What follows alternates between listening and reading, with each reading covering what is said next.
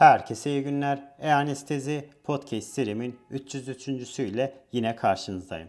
Bugün diğer inhalasyon ajanlarından nitroz oksitten bahsedeceğim. Hazırsanız haydi başlayalım.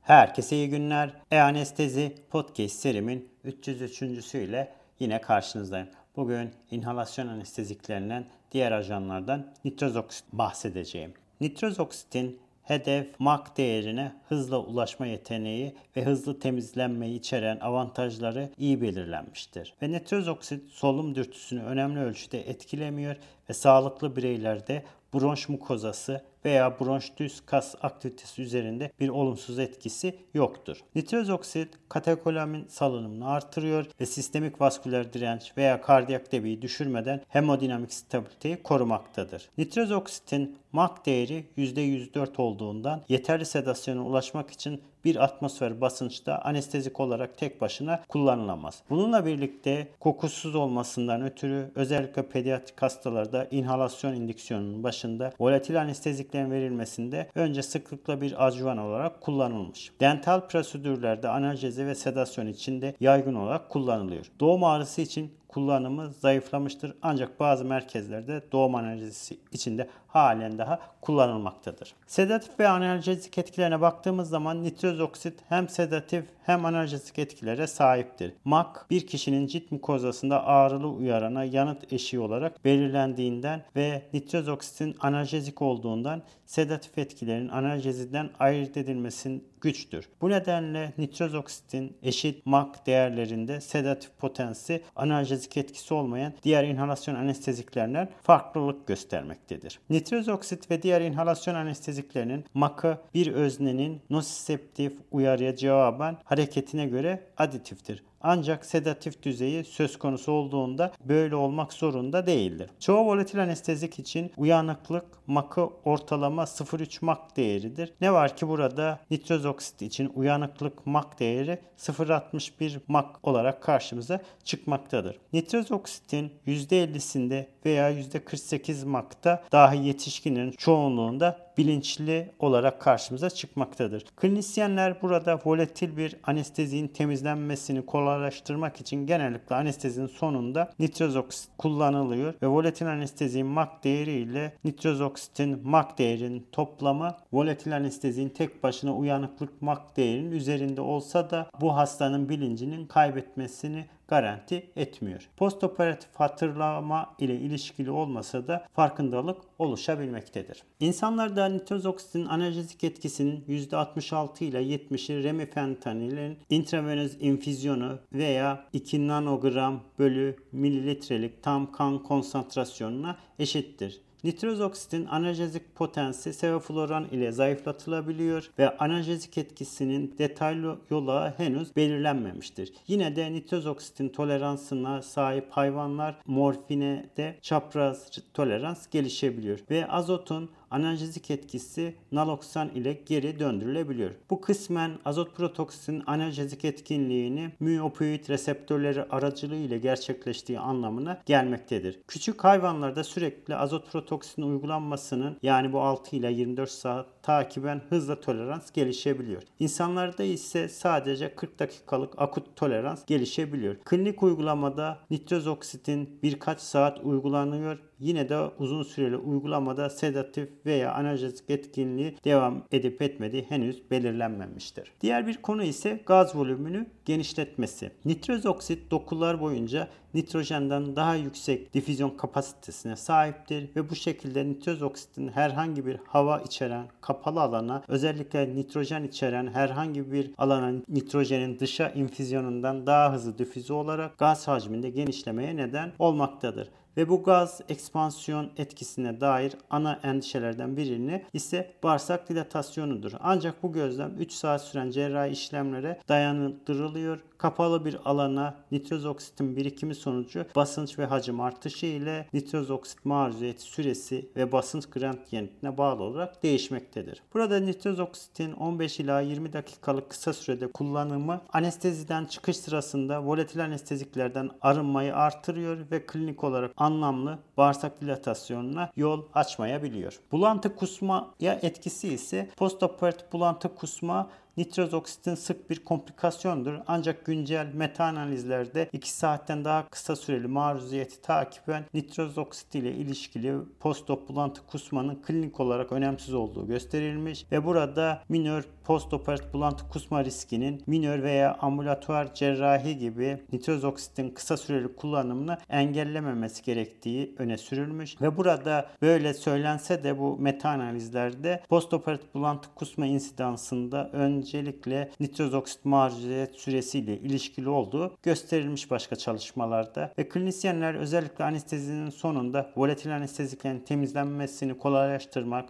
ve anestezinin çıkış süresini kısaltmak için nitroz oksitin faydalı özelliklerinden yine de yararlanılmaktadır. Pulmoner hipertansiyonda ise nitroz oksitin pulmoner hipertansiyonu kötüleştirip kötüleştirmediği test etmek için yürütülen farklı çalışmaların sonuçları deneysel protokollerdeki değişiklikler nedeniyle tutarlı değildir aslında. Ve pulmoner hipertansiyonlu hastalarda %70 nitroz oksite karşı %70 nitrojen kullanıldığında pulmoner arter basıncında ve kardiyak debide anlamlı bir değişik gösterilmemiş bir çalışmada ve burada nitroz oksitin pulmoner dolaşım veya sağ ventrikül fonksiyon üzerine yan etkileri olmadığı ve uygun monitorizasyon ile pulmoner hipertansiyon olan hastalarda kullanılabileceği sonucu çıkmış ve buradaki sonuç özellikle sağ ventrikül disfonksiyonu veya sağ koroner arter hastalığı olanlarda yüksek PVR'li hastalarda dikkat yorumlanması gerektiği vurgulanmış. Daha yakın zaman yapılan çalışmalarda ise nitroz oksit ile ölüm veya kardiyovasküler komplikasyon riskinde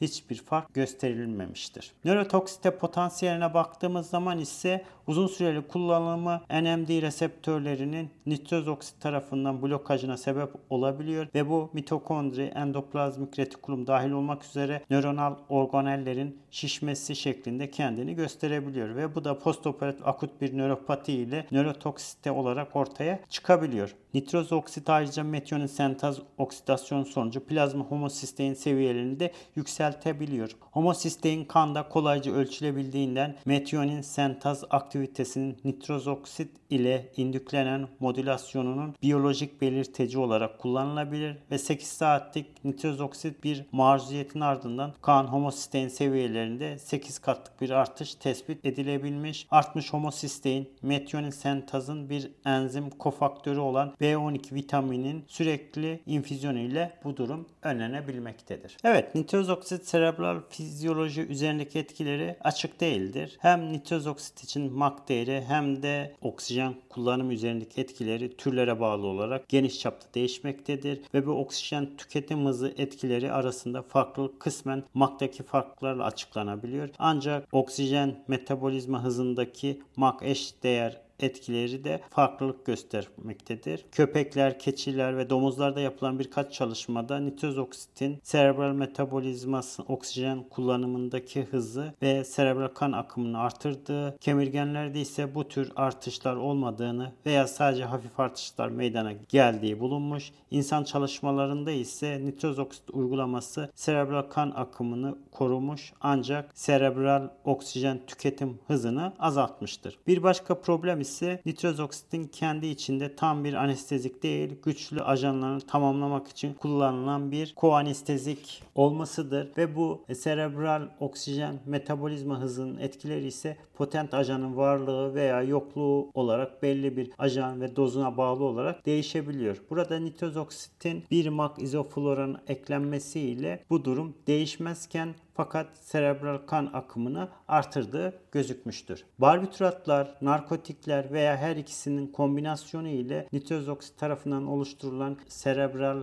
metabolik oksijen hızı veya serebral kan akımındaki artışları azaltıyor ve ortadan kaldırabiliyor. Nitroz oksit uygulanması intrakraniyal basıncı da artırıyor ancak bu oksijen tüketim hızını veya serebral kan akımı için olduğu gibi intrakraniyal basınçta da değişiklikler çeşitli koanestezik veya daha önemlisi bu hipokampin tarafından azaltılabiliyor veya ortadan kaldırılabiliyor. Nitroz oksit serebral iskemili rat modellerinde nöroprotektif olabiliyor. Ancak başka çalışmalarda nörotoksik olduğu düşünülmüş ve nitroz oksitin bu serebral oksijen tüketim hızı, serebral kan akımı ve intrakranal basınç üzerindeki etki ve iskemi sırasındaki nöroproteksiyon ile ilgili çelişen veriler düşünüldüğünde yüksek oranda artmış intrakranal basınç veya belirgin serebral iskemi olasılığı olan cerrahi olgularda kullanımından kaçınılmalı veya devam etmeme yönünde düşünceler oluşmaktadır. Evet, özetleyecek olursak nitroz oksit kullanımı uzun yıllardır uygulamada olan azot protoksit için son 10 yıllık süreci de kullanım sorgulayıcı yayınlar bu nedenle biraz önceki anlattığım nedenlerden dolayı artmıştır. Yan etkilerin çoğu nitroz oksitin fiziksel özelliklerine bağlıdır. Hava dolu boşluklara difüze oluyor. Kompliyansı olan alanlarda yani bu nedir? Mide, bağırsak, periton boşluğu, pneumotoraks, hava embolisi gibi hacmin artmasına, kompliyansa uygun olmayan kapalı alanlarda ise endotrakeal tüpün kafında,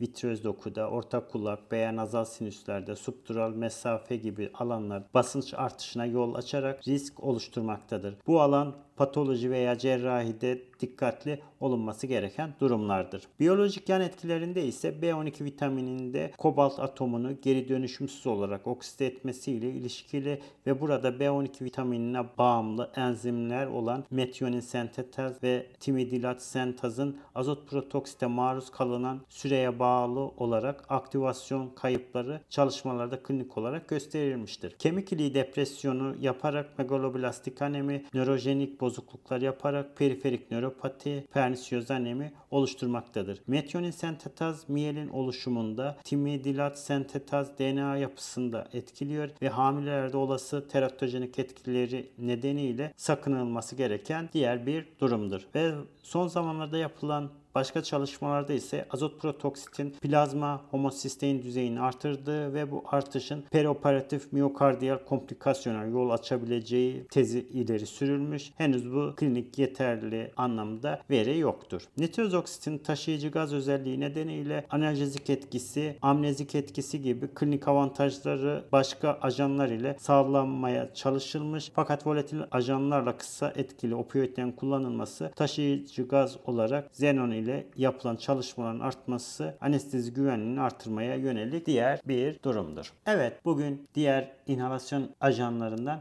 nitroz oksitten kısaca bahsetmeye çalıştım. Bugün anlatacaklarım bu kadar. Beni dinlediğiniz için teşekkür ediyorum. İyi günler.